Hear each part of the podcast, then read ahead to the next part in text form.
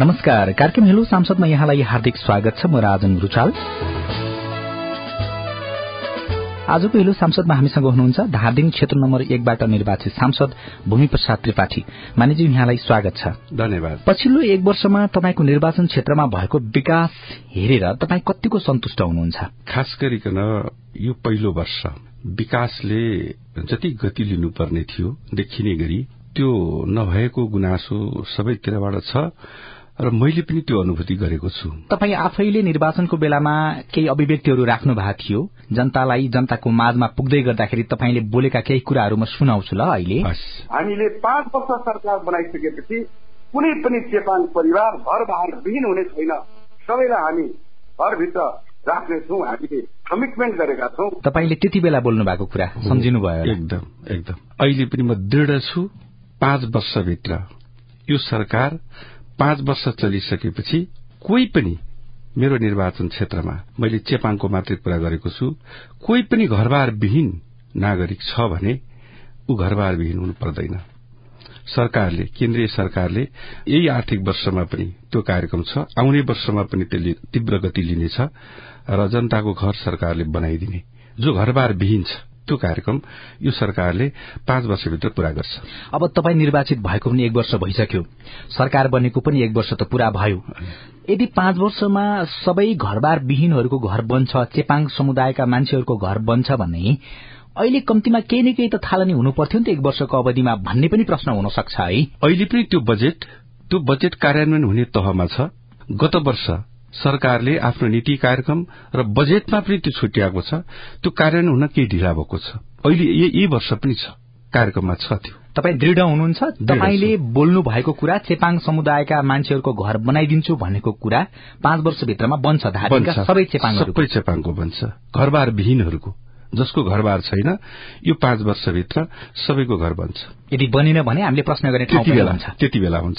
हस् अर्को प्रश्न सुनाउँछु ल म तपाईँलाई। हेलो मन्याजी नमस्ते म छत्रे देउराली यो धुनीबेसी नगरपालिका वार्ड नम्बर दुईबाट प्रहलाद प्रसाद ठकुरेल बोल्दैछु हजुरलाई मेरो प्रश्न के छ भने धुनीबेसी नगरको समस्त जनताको निम्ति धुलो धुवा मुक्त गर्ने भन्ने हामीले एउटा अभियानमा अस्ति हामीले एउटा संघर्ष समिति गठन गरेका छ। र अहिले हजुरले धुनीबेसी नगरलाई स्वस्थ हराभरा र धुवा धुलो मुक्त गराउनलाई के कदम चाल्नु भएको छ? के जवाब दिनुहुन्छ? प्रहलादजीलाई मेरो पनि नमस्कार छ र उहाँलाई म धन्यवाद दिन चाहन्छु। प्रहलादजी धुनीबेसी नगरपालिकाको एकजना असाध्यै जुझारू सक्रिय त्यहाँको नागरिक हुनुहुन्छ। चिन्नुहुन्छ तपाईँ? चिन्छु म मजाले चिन्दछु। र उहाँले जुन अभियान सञ्चालन गर्नुभएको छ त्यसको सफलताको लागि म शुभकामना पनि दिन्छु। धुनीबेसी नगर साँच्चै काठमाडौँसँग जोडिएको असाध्यै सुन्दर असाध्यै रमणीय ठाउँ हो त्यो। हामीले त्यो ठाउँलाई धुवा धुलोबाट प्रदूषणबाट बाट जोगाउन सक्यौं भने काठमाडौँबाट उकुस मुकुस भएका मानिसहरू त्यहीबाट फुत्त यहाँबाट जाने बित्तिकै अर्कै संसारमा गए जस्तो अनुभूति हुन्छ। तर अहिले समस्या के छ भने त्यहाँ केही विकृतिहरू आएको छ। हाम्रो असाध्यै त्यो खेतीयोग्य जमिन बिस्तारै अब यो इट्टा उद्योगले ओगड्दैछ धुवा त्यसले प्रदूषण फाल्दैछ सिमेन्ट उद्योगहरू पनि छन्। त्यसलाई हामीले व्यवस्थित गर्ने धुवा धुलोबाट मुक्त बनाउने कुरामा बेलैमा हामीले सोच्नुपर्छ। मैले स्थानीय सरकारलाई नगरपालिकाका साथीहरूलाई मेयर उपमेयर लगायतका साथीहरूलाई शुरूदेखि निर्वाचित भएदेखि मैले उहाँहरूलाई भन्दै आएको छु। यसलाई तपाईँले नियन्त्रण गर्नुहोस्। तत्काल तपाईँहरूले यसको व्यवस्थापन एक ठाउँमा गर्नुहोस्। एउटा उद्योगको लागि एउटा जोन तपाईँहरूले तोक्नुहोस् र धुवा धुलो मुक्त धुनीबेसी तपाईँहरूले बनाउनुहोस्। यो सबभन्दा ठूलो कुरा हुन्छ। र धुनीबेसीका जनताहरूले पछिसम्म पछिल्लो पुस्ताले पनि तपाईँहरूले गरेको कामको प्रशंसा गर्नेछ। मैले भनेको छु मैले आफ्नो ठाउँबाट स्थानीय सरकारलाई पनि त्यो कुरा भनेको छु। म आफै पनि त्यो अभियानमा लाग्नेछु। त्यस्तै आशयको अर्को प्रश्न छ त्यो प्रश्न पनि सुनौ ल नमस्कार म दिलबहादुर रम्तेर म गल्सी गाउँपालिकाबाट। विशेष गरी म त्रिशुली नजिक आसपासमै रहेको र हाइवेको बासिन्दा भएका हिसाबले यो राजमार्ग आसपासमा उद्योग व्यवसायहरूले चाहिँ खुल्याम रूपमा चाहिँ स्काई भेटर रोडबाट लिएर चाहिँ नदीसम्म र आफ्नो कुनै पनि उद्योगसँग लिएर जाने काम हुन्छ। एउटा प्रश्न यो किन यस्तो भइरहेको छ? यसलाई रोक्न के गर्न सकिन्छ? एउटा त धुनीबेसीको प्रश्न थियो अघि। धुवा धुलोले त्यहाँका मान्छेहरूलाई असर पुर्यायो भन्ने थियो भने अर्को चाहिँ गल्छीको यो राजमार्ग आसपास र त्रिशुली नदी आसपास चाहिँ यस्तो खालको किन हुन्छ भन्ने खालको प्रश्न छ। के जवाब दिनुहुन्छ? प्रश्नको लागि म धन्यवाद दिन चाहन्छु। उहाँ आफैले पनि बिहोरेको समस्यासँग सम्बन्धित प्रश्न गर्नुभएको छ। हाम्रो खास गरिकन हाइवेको आसपासमा त्रिशुली नदीको आसपासमा विगत लामो समयदेखि यो खालको समस्याहरू हामीले बिहोरिरहेका छौं। त्रिशुली नदीलाई कसरी प्रदूषण मुक्त बनाउने त्यो एउटा हाम्रो राष्ट्रिय सम्पदा पनि हो। हामीले त्यो त्रिशुली नदीलाई स्वच्छ हराभरा सधैँ संग्लो बनाउन सक्यौं भने हाम्रो एउटा आमदानीको स्रोत पनि हो धादिङवासीको त्यहाँ ऱ्याफ्टिङ गर्न धेरै मानिसहरू जान्छन्। त्रिशुली नदीको आसपासमा हामीले प्रदूषण मुक्त बनाउन सक्यौं भने पिकनिक स्पटको रूपमा विभिन्न ठाउँ हामी डेभलप गर्न सक्छौं। यो अभियानमा यो धेरै अगाडिदेखिको समस्या हो अहिले मात्रै होइन। तर तपाईँलाई म स्मरण गराउन चाहन्छु दिलबहादुरजीलाई यो कुरा थाहा छ राम्रोसँग। म निर्वाचित भइसकेपछि मैले आफैले पहल गरेर प्रदेशको सांसद जिल्ला समन्वय समितिको प्रमुख सम्बन्धित हाइवेका गाउँपालिकाका प्रमुख उपप्रमुखहरू सबैलाई राखेर कसरी यो समस्यालाई समाधान दिने? उद्योगी व्यवसायीहरूलाई पनि हामीले विकल्प दिनुपर्छ। एउटा उद्योग खोल्नको लागि एउटा जोन हामीले तोकिदिएर तपाईँहरू त्यो ठाउँमा जानुहोस् भन्नुपर्छ। र यो त्रिशुली नदीलाई धमिल्याउने कुरा र हाइवेलाई प्रदूषण गर्ने कुरा हाइवेको आसपासमा उद्योगहरू खोल्ने प्रदूषित बनाउने दुर्घटनाहरू निम्त्याउने यो कुराहरूलाई हामीले तत्काल हामीले रोक्नुपर्छ भनेर म निर्वाचित भइसकेपछि हामीले यो अभियान शुरू गर्यौं र त्यसको केही असर पनि देखिएको थियो र त्रिशुली नदी केही हदसम्म सफा पनि भएको थियो भनेर त्यहाँका स्थानीयले भन्नुहुन्छ। तर फेरि अहिले आएर चाहिँ त्यहाँ राति राति उद्योग कल कारखानामा जम्मा भएको फोहोर पानी नदीमा हालिन्छ र त्यो कारणले नदी प्रदूषित भइराखेको छ भन्ने आम मान्छेहरूको गुनासो छ। मैले पनि यो कुरा सुनेको छु।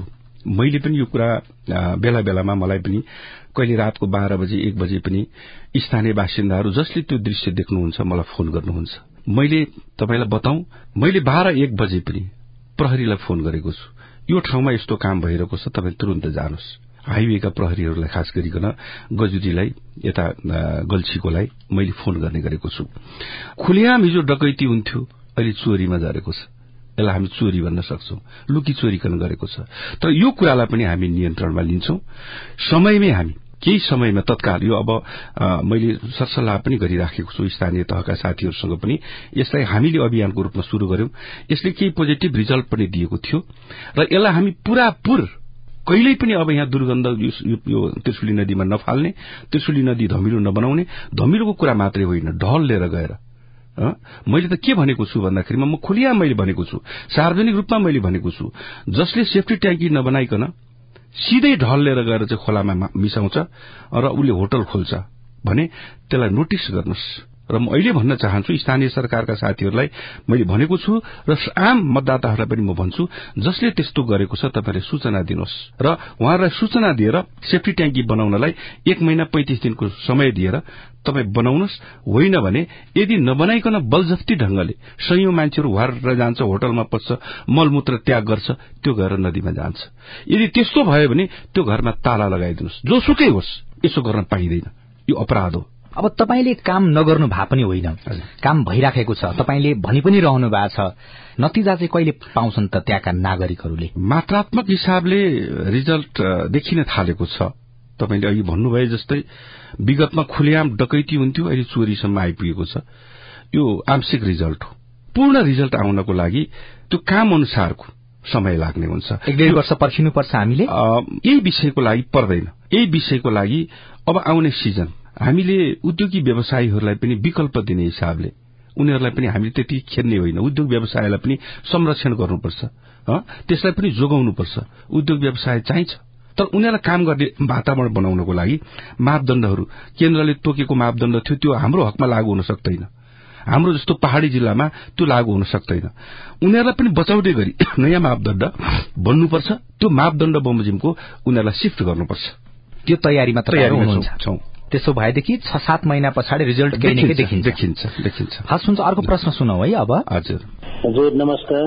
तिलक चेपाङ नेपाल चेपाङ संघ पूर्व केन्द्रीय सचिव बेनगा टोराङ गाउँपालिका वार्ड नम्बर तीन रेचोकटार प्रश्न यो छ कि नेपाल सरकारले दुई हजार चौतिस सालदेखि निरन्तर रूपमा सञ्चालनमा ल्याएको चेपाङ विकास कार्यक्रम गत साउनदेखि हटाइयो। किन र अब दुई हजार छैसठी सडसठी सालदेखि चेपाङ समुदायलाई लक्षित जनता आवास कार्यक्रम पनि गत साउनदेखि पुरै खारेज भयो। किन? यो मेरो विनम्र जिज्ञासाको समाधान गरिदिन हार्दिक अनुरोध गर्दछु। धन्यवाद तिलक चेपाङजीलाई प्रश्नको लागि। अब यो चेपाङसँग सम्बन्धित मात्रै कुरा रहेन। जनता आवास कार्यक्रम घरबार बिन सबै जनताका लागि देशभरिका सबै जनताको लागि भनेर ल्याइएको कार्यक्रम हो र विगतमा चाहिँ चेपाङहरूको लागि मात्रै स्पेशल कार्यक्रम भन्ने गरिन्थ्यो। तर यो सरकारले के गर्यो भन्दाखेरि चेपाङहरूको लागि मात्रै होइन। अनि चेपाङले अरू चेपाङले नपाउने भनेको छैन। तर हामीले के बुझ्नु पर्यो भन्दाखेरिमा जनता आवास कार्यक्रम अरूले पनि पाउने भए अरू बेघरबार अरू सुकुम्बासीले पनि पाउने भए र यो चाहिँ हाम्रो सौता आयो भन्ने जस्तो ठान्नु पनि भएन सबैले पाउने। घरबार विहीनहरू सबैले पाउने यो कार्यक्रम छ यो कन्टिन्यू रहन्छ यो वर्ष पनि छ आउने वर्ष पनि रहन्छ। मैले शुरूमै भने जस्तो पाँच वर्षभित्र बढ़ीमा पाँच वर्षभित्र कोही पनि घरबार विहीन मानिस रहने छैन यो नेपालमा। त्यसमा चेपाङ समुदाय पनि पर्छ। चेपाङ विकासको लागि स्पेशल कार्यक्रम विगतमा थियो। विगतमा पञ्चायत कालमा पनि विभिन्न नाममा थियो पछि पनि थियो होइन?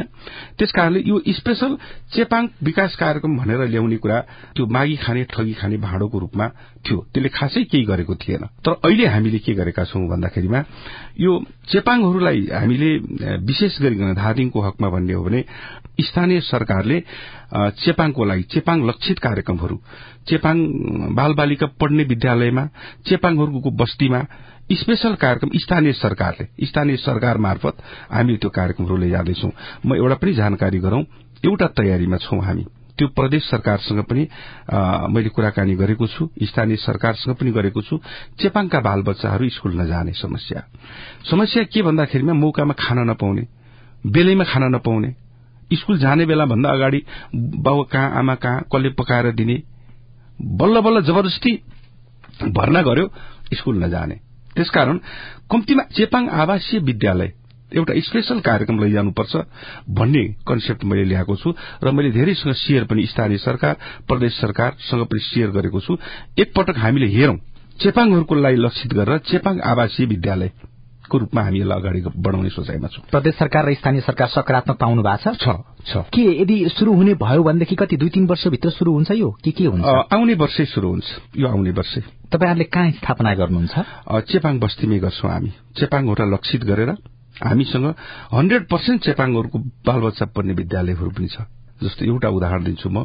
मेरै गाउँपालिका अघि तिलकजी मेरै मेरै ओडाको बासिन्दा हो उहाँ तिलक चेपाङ। मेरो गाउँपालिकाको माथि बोमराङ भन्ने गाउँ छ। त्यो स्यादुल भन्दा पनि अगाडि बढ्नुपर्छ।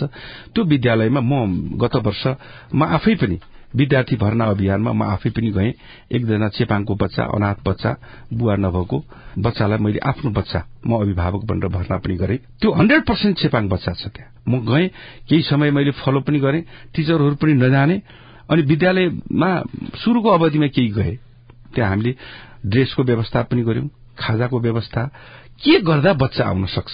भन्दा केही संख्या त बढेको छ तर हन्ड्रेड पर्सेन्ट रिजल्ट आएको छैन।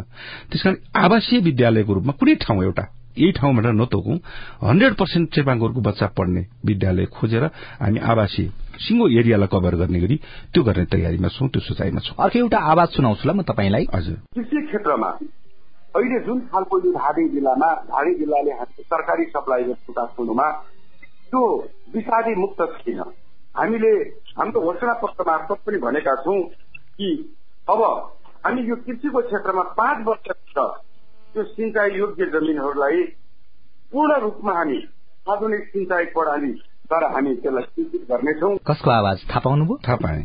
तपाईँकै त हो? मेरो त? आफ्नै आवाज हो। कहिले बोल्नु भएको थियो? कहाँ बोल्नु भएको थियो? याद छ यो कुरा? याद छ याद छ मैले निर्वाचनको बेलामा बोलेको थिएँ। अहिले सुन्दाखेरि चाहिँ के लाग्यो त? यो मैले जे बोलेको थिएँ त्यो दिशातर्फ। त्यसको रिजल्ट सबैले थाहा पाउने देख्ने गरी रिजल्ट आउनलाई लाग्ला एक वर्ष अझै तर त्यसको कामको शुरूआत हामीले गरिसकेका छौं। धादिङ जिल्ला आफैमा कृषि क्षेत्रमा र तरकारी उत्पादनमा सबैभन्दा महत्वपूर्ण र राजधानीमा सबैभन्दा धेरै तरकारी भित्राउने जिल्ला मध्येको एउटा जिल्ला धादिङ जिल्ला पनि हो। त्यसो हुँदाखेरि चाहिँ यहाँको तरकारीमा विषादीको प्रयोग कम गर्नको लागि तपाईँले यो एक वर्षको अवधिमा के काम गर्नुभयो?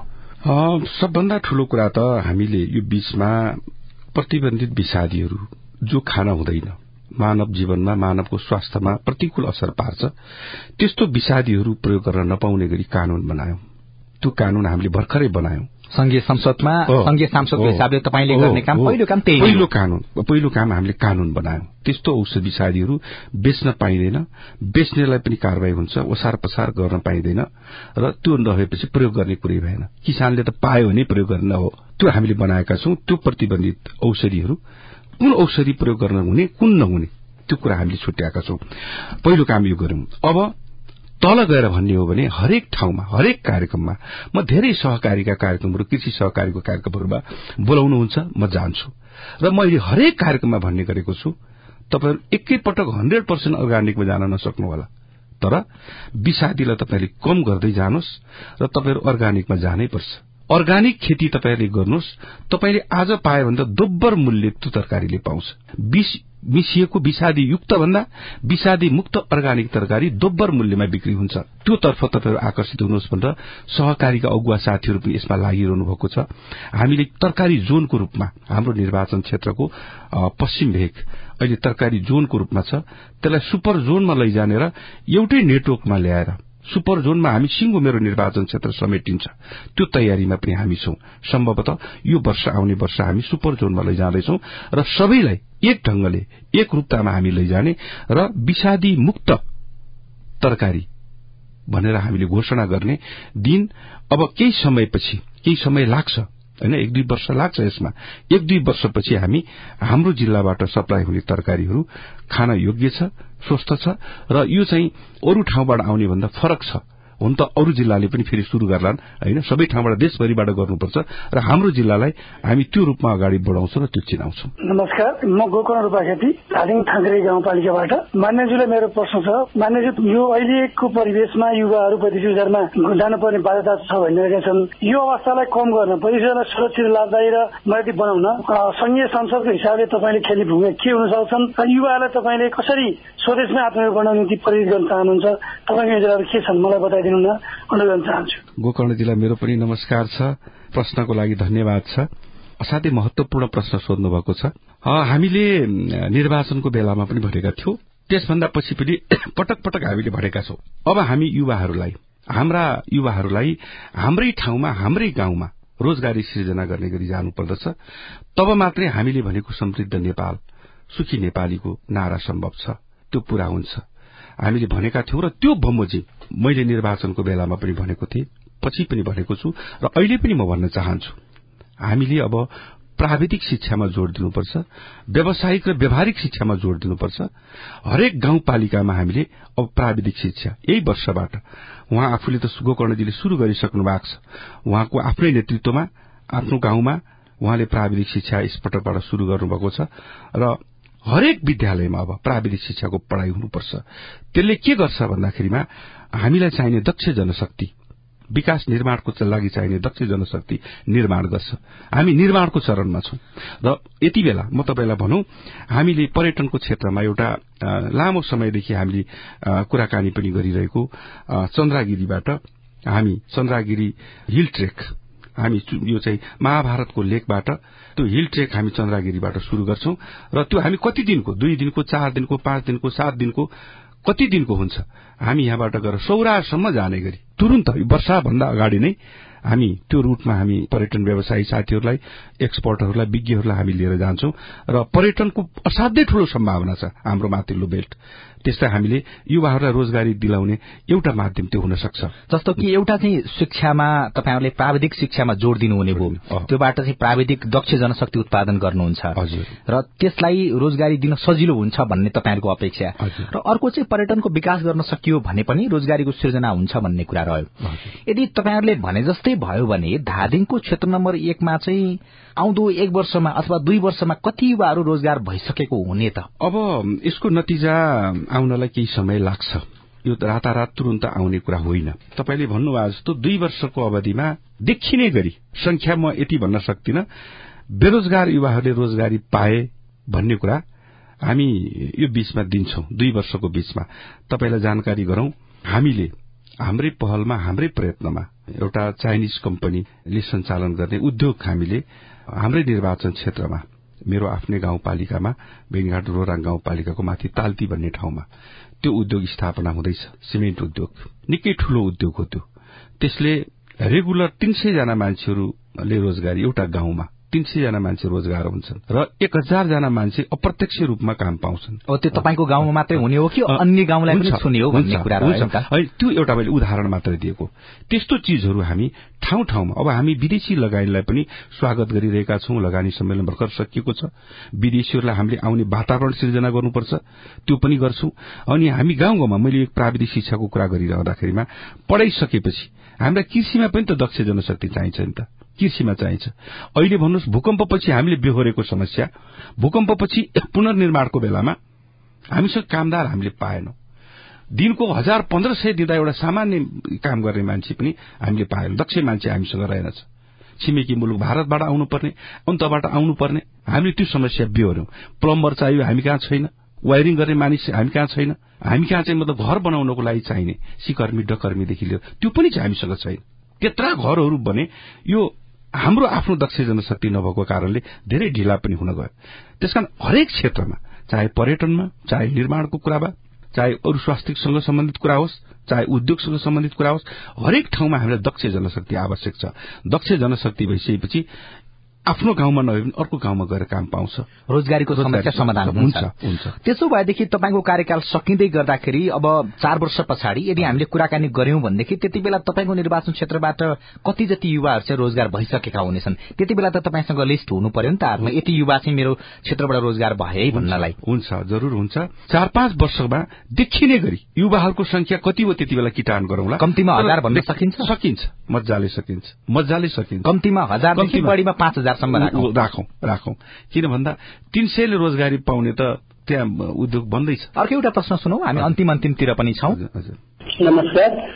सिद्धले मान्यज्यूले मेरो प्रश्न चाहिँ सिद्धले छ परेवादारदेखि सिद्धले सातको आदतदार हुँदै छुच्चेटासम्म पुग्ने बाटोको डिपिआर तयार भएर संसदज्यूलाई हामीले पठाएका थियौँ।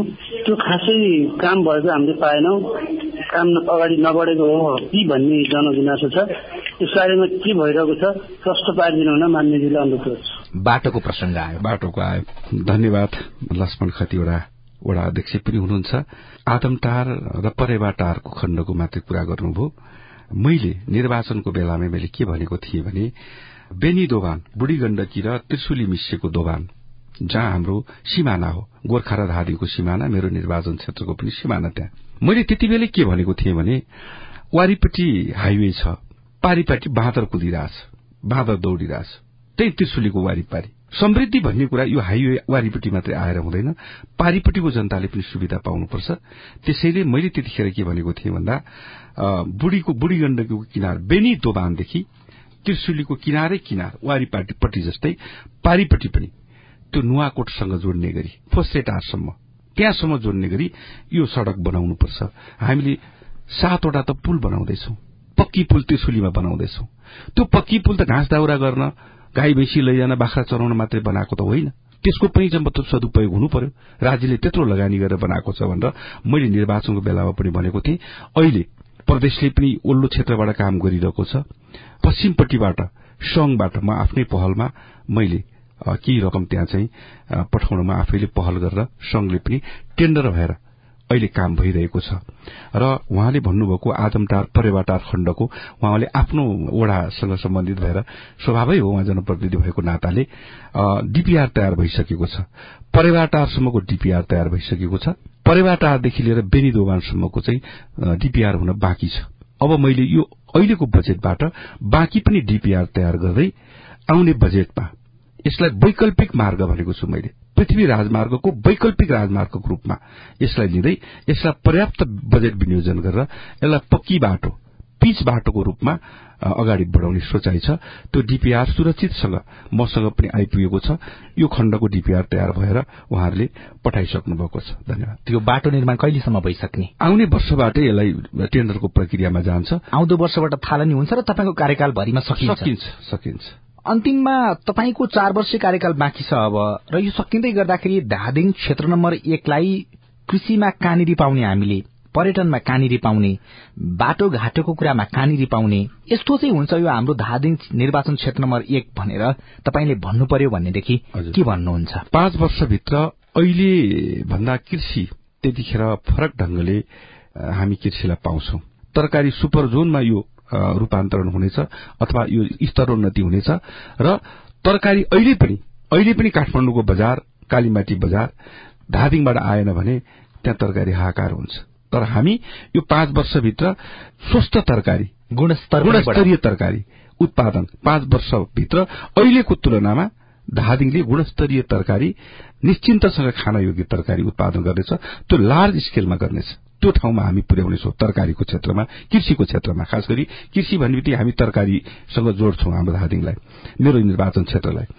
त्यसपछि पर्यटन असाध्यै ठूलो सम्भावना छ। पर्यटकहरू भरि भराउ भएको हामी त्यो बनाउनेछौ विकास र बाटोको कुरामा के हो भने एउटा गाउँपालिकामा बरु एउटा मात्रै बाटो बनाऊ मूल बाटोलाई हामी पिच गरौं नाला सहितको पिच गरौं यो पाँच वर्षभित्र कम्तीमा एउटा पालिकाले एउटा बाटो मेन बाटो त्यसले कतिवटा वडा सुन्न सक्छ कालोपत्री हुनेछ। यो पाँच वर्षभित्रमा सबै गाउँपालिका स्तरमा एउटा अस्पताल कम्तीमा पन्ध्र बेडको अस्पताल हुनेछ। हस् हुन्छ यो समय संवादको लागि यहाँलाई धेरै धेरै धन्यवाद। धन्यवाद। यो सँगै कार्यक्रम हेलो सांसदको समय सकिएको छ। प्राविधिक साथी सुभाष पन्तका साथै म राजन रुचाल पनि विदा हुन्छु। हवस् त नमस्ते।